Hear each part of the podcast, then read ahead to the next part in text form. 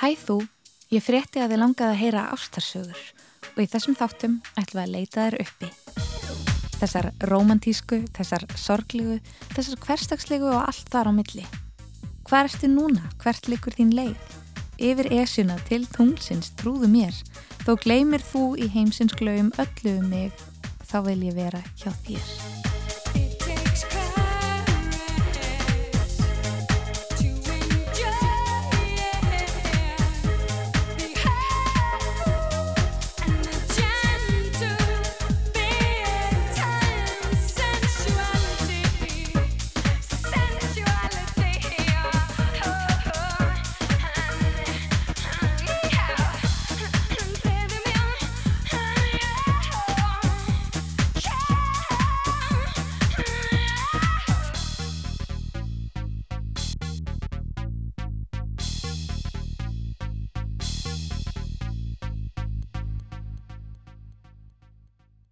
Fólk gleymir kannski því sem þú sagðir, en það mun aldrei gleyma því hvernig þú lést því líða.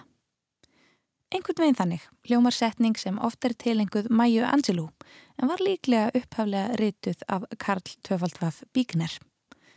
Ekki að það skipti öllu máli hver sagði setninguna, heldur einmitt hvaða hughrif hún kallar fram. Það þarf oft engin orð til að kalla fram sterkar tilfinningar. Þær geta búið í snöggum kossi á enni, þjættu faðumlægi eftir langan aðskilnað eða jafnvel í fjarrænu augnaráði.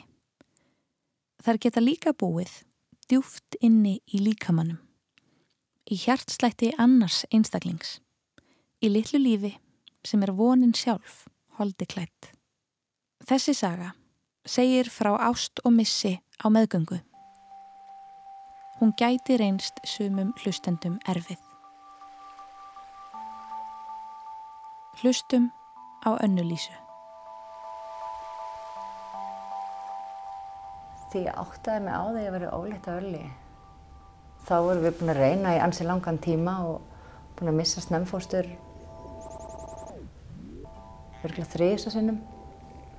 Þannig að því ég áttaði mig á því að ég sé óleitt í alverðinni er virkulega bara Þegar við löpum út úr 20 vegna svonarnum og ég fór að trúa að þetta myndi kannski takast.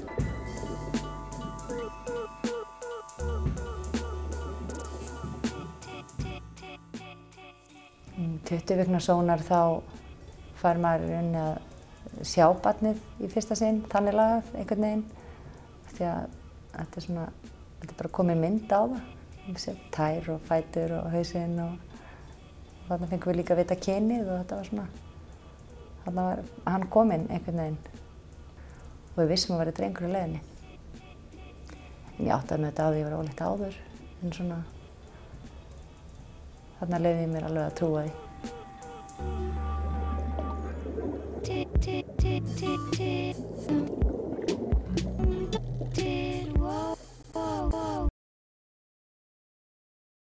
Ég var að flytja lager af bókum um, viku eftir 20 vikna sonarinn en ekki beint að bera neitt sjálf, bara kælant fram og tilbaka og flytja eitthvað dót á milli og, og svona, þetta var svona bara einhver hasar dagur samt sko. Þetta var svona eins og bara slæmir túrverkir. Já, maður trúði því ekki að það væri eitthvað að, en svo letið nú tekka mér um kvöldið. Fór upp á, upp á spítala og, og var nú sagt að þetta væri öruglega ekki neitt, en það ætlaði nú bara að tekka á mér því að það var ekki í mannbrettu verkefnum, þetta var rosalega sárt en svo þegar hérna ég fekk loksins skoðun og þá var bara legal sem búin að opna sig alveg. Og, og það var ekki, belgunum var bara opinn eða þú veist út, það var ekki vatnið, flætti ekki eða neitt þannig en það var bara legal sem var opinn. Og þá var ég látið bara að liggja og fekk, átti ekki að hreyfa mig og mátti ekki standa upp. Og þannig verið kominn tæpar 21 viku. Og þá fór ég að spyrja ljósmaðurna og læknan um statistík, þú veist, er þetta liggja, hvað getur maður leiðið lengi en, en svo fekk ég blóðuturinn, þetta var satt síking og þá, þá var því bara, var, þú veist, þá bara fór fæðingin að stað.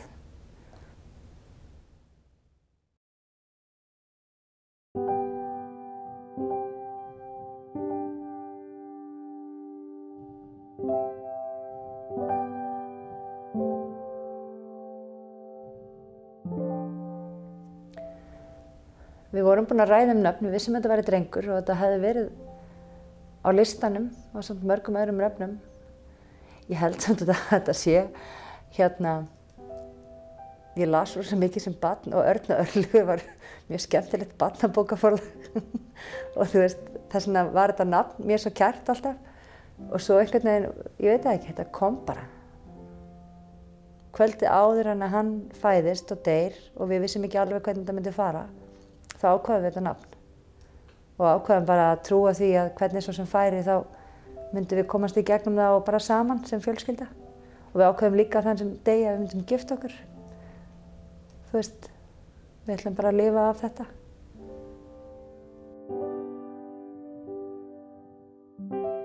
Þegar Ölluði fættist það var bara ótrúlega falleg stund. Ljósmann var með okkur og maður minn og mamma og það fylltist alltaf ást, þetta var svo einkennlegt og bara, þú veist, ég náði að anda mig í gegnum þetta og þetta er svona, e- einhvern veginn, það kom svo mikið ljós í fæðingunni. Og eftir á því ég talaði við prestinn að þá var ég að segja þetta, ég er nú ekki mjög trúið, en hann var samt að segja, sko, þú veist, það fylgir öllum sálum einhvers konar fegur, eða þú veist, sálinni fylgir það sem sálinn er, hann hlýtur að vera fallegur drengurinn, mér fannst allt svo fallegt, þetta var bara fallegt.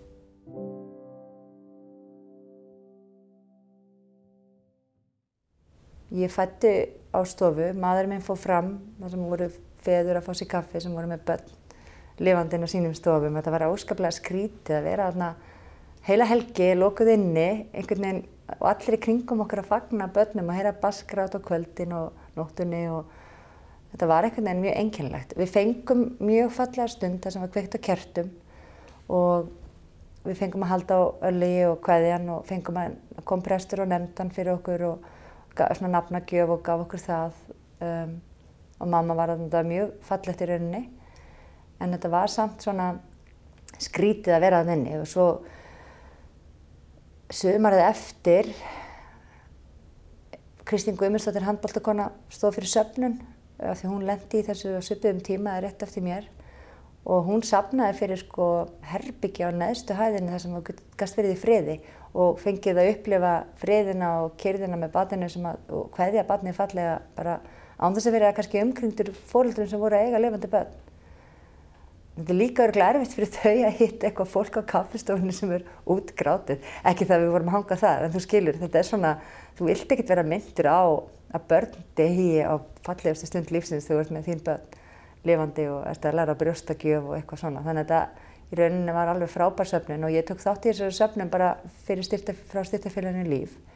Við giftum okkur um, um sömarið og fengum uh, peningagjöf frá frengum mannsins og við ákvæmum að setja þann peningi að búið til bækling fyrir fólkdra sem hefði mist. Þannig að við byrjuðum því að tala við landsbytalan og líf og ég fór í það að búa til bæklinga þannig að það verið eitthvað, eitthvað sem fólk hefði til þess að halda í, eitthvað um sorgina, eitthvað um tilfinningarnar og líka bara þetta með að fara heim og brjóstinn fyllast af mjölk og það er ekkert bann til þess að taka mótu mjölkinni og maður fær stálma og maður fær hýta og maður skilur ekki hvað maður á að gera og það kemur mjölk og þetta bara einhvern veginn, þú veist, þú ferði gegnum allt postpartum líkamlega þó að það sé ekkert bann sem það er komið með þér heim. Þannig að þú ferði heim eins og bara mjölkandi móðir með maga sem þarf að ganga inn og, og líkamann sem er búin að fæða bann.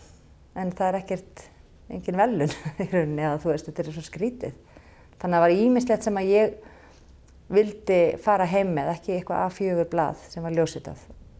Þetta tók ár eiginlega að búa til þessa bæklinga þegar gleðin breytist í sorg bæklingana og upp úr þeim þá fór ég að ræða venna Þórunni Pálsdóttur ljósmóður sem að ef það koma upp svona tilfellið þá er hún oft ljósmóðun sem tekur um mótu börnunum.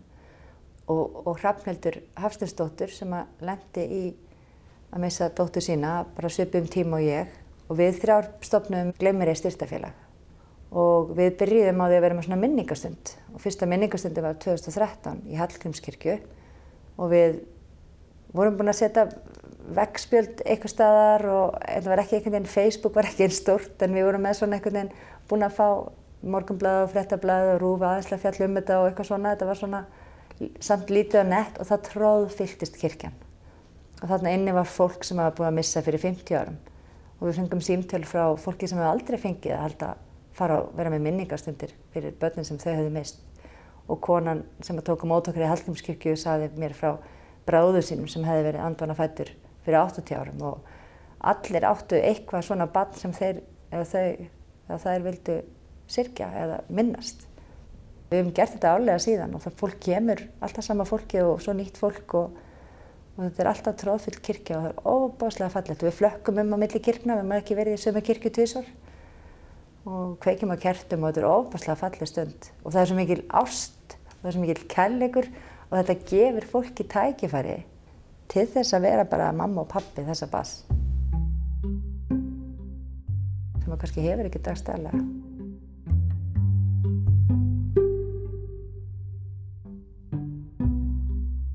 Við erum öll með einhver hlutverk í lífinu og ég varð móður öllegs þegar hann fættist. Það breytist allt. En ég er afskaplega heppin af því að í kringum mig var fólk og er fólk sem að virti það að ég leita á mig sem mömmu eftir ölleg. Ég fekk alltaf að vera með. Þegar við töluðum um fæðingarsögur þá rátt fyrir að öllegur hefði dáið, ég fekk alltaf að vera með.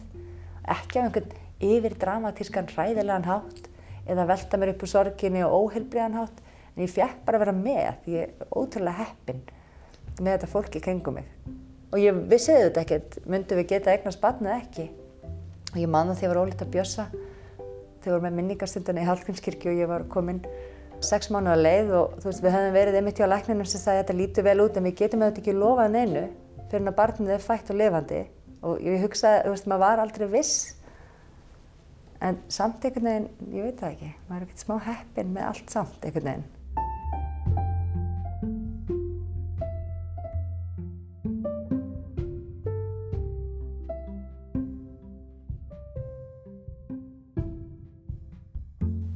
Ég á börn núna, tvö börn hjá mér og ölleg. Þessi tvö börn sem ég á eru, eru ólítið 6 og 7. Þannig að það, það var ansið mikið átak. Þegar að öllugur fæðist og þá fyrir ég alls konar rannsóknir, kemur í ljós að ég með opbáslega stuttanlega háls sem heldur ekki uppi meðgöngu. Og ég er líka með hjartalega sem ég fannst alltaf svo fyndið núna þegar ég er með mín til börn að vera með hjartalega leg sem þýðir að þú veist er lægin þessu hjarta það þýðir að það er erfitt fyrir börnin að finna pláss í hjartanu. Þetta er einhvern veginn þetta er svona ljóðrænt svolítið. Og við erum eitthvað að ræða þetta við vinn okkar, mjög góða vinni sem eru læknar eða læknir og hjúgrunafræðingur og þau segja okkur frá vinni sínum sem er Íslandingur býr út í Boston og er sérfræðingur í að gera svona innri leksuma hann sé á landinu eftir viku, viljum við ekki hitta hann. Og við förum að hittum hann og hann segir bara við okkur, þessi indislegi maður, Jón Ívar, Einarsson ég skal bara setja upp svona leksum næst hér í fríi hérna á Íslandi. Og við fáum tíma og hann fær leiði til þess að taka yfir einu skurstofi og hann gerir þetta fyrir okkur. Hann setur upp þennan sögum innri leksum það gerur okkur rauninni kleift að eignast hinn tvei börnin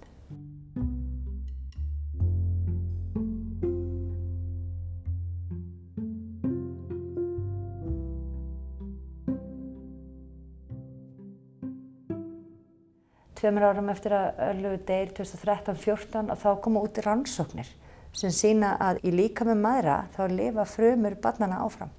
Þannig að það er partur af börnunum sem þú missir, þau eru alltaf innið þér og frumurna lifa áfram. Mér finnst það svo fallegt. Þannig í blóðun, ef þú tekur blóðu mitt núna, getur, þú veist, þú getur, ég veit ekki hvort þú getur fundið öll sjö sem við höfum mist en allavegna uh, eignast, en þú veist, allavegna Örlugur og börnin.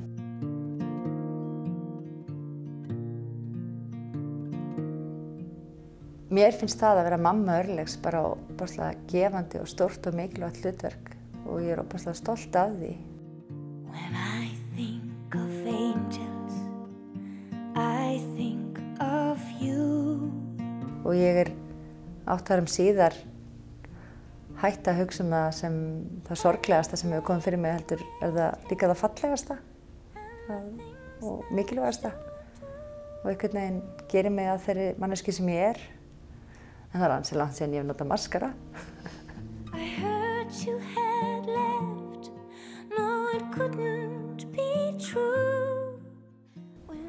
Maður kemst aldrei yfir svona áföll en maður lærir að lifa með þeim. Ég held að það sé eitthvað sem allir sem hafa ekkert um hann sýrt vita. Ég sé aldrei eftir honum. Godspeed to you angel wherever you go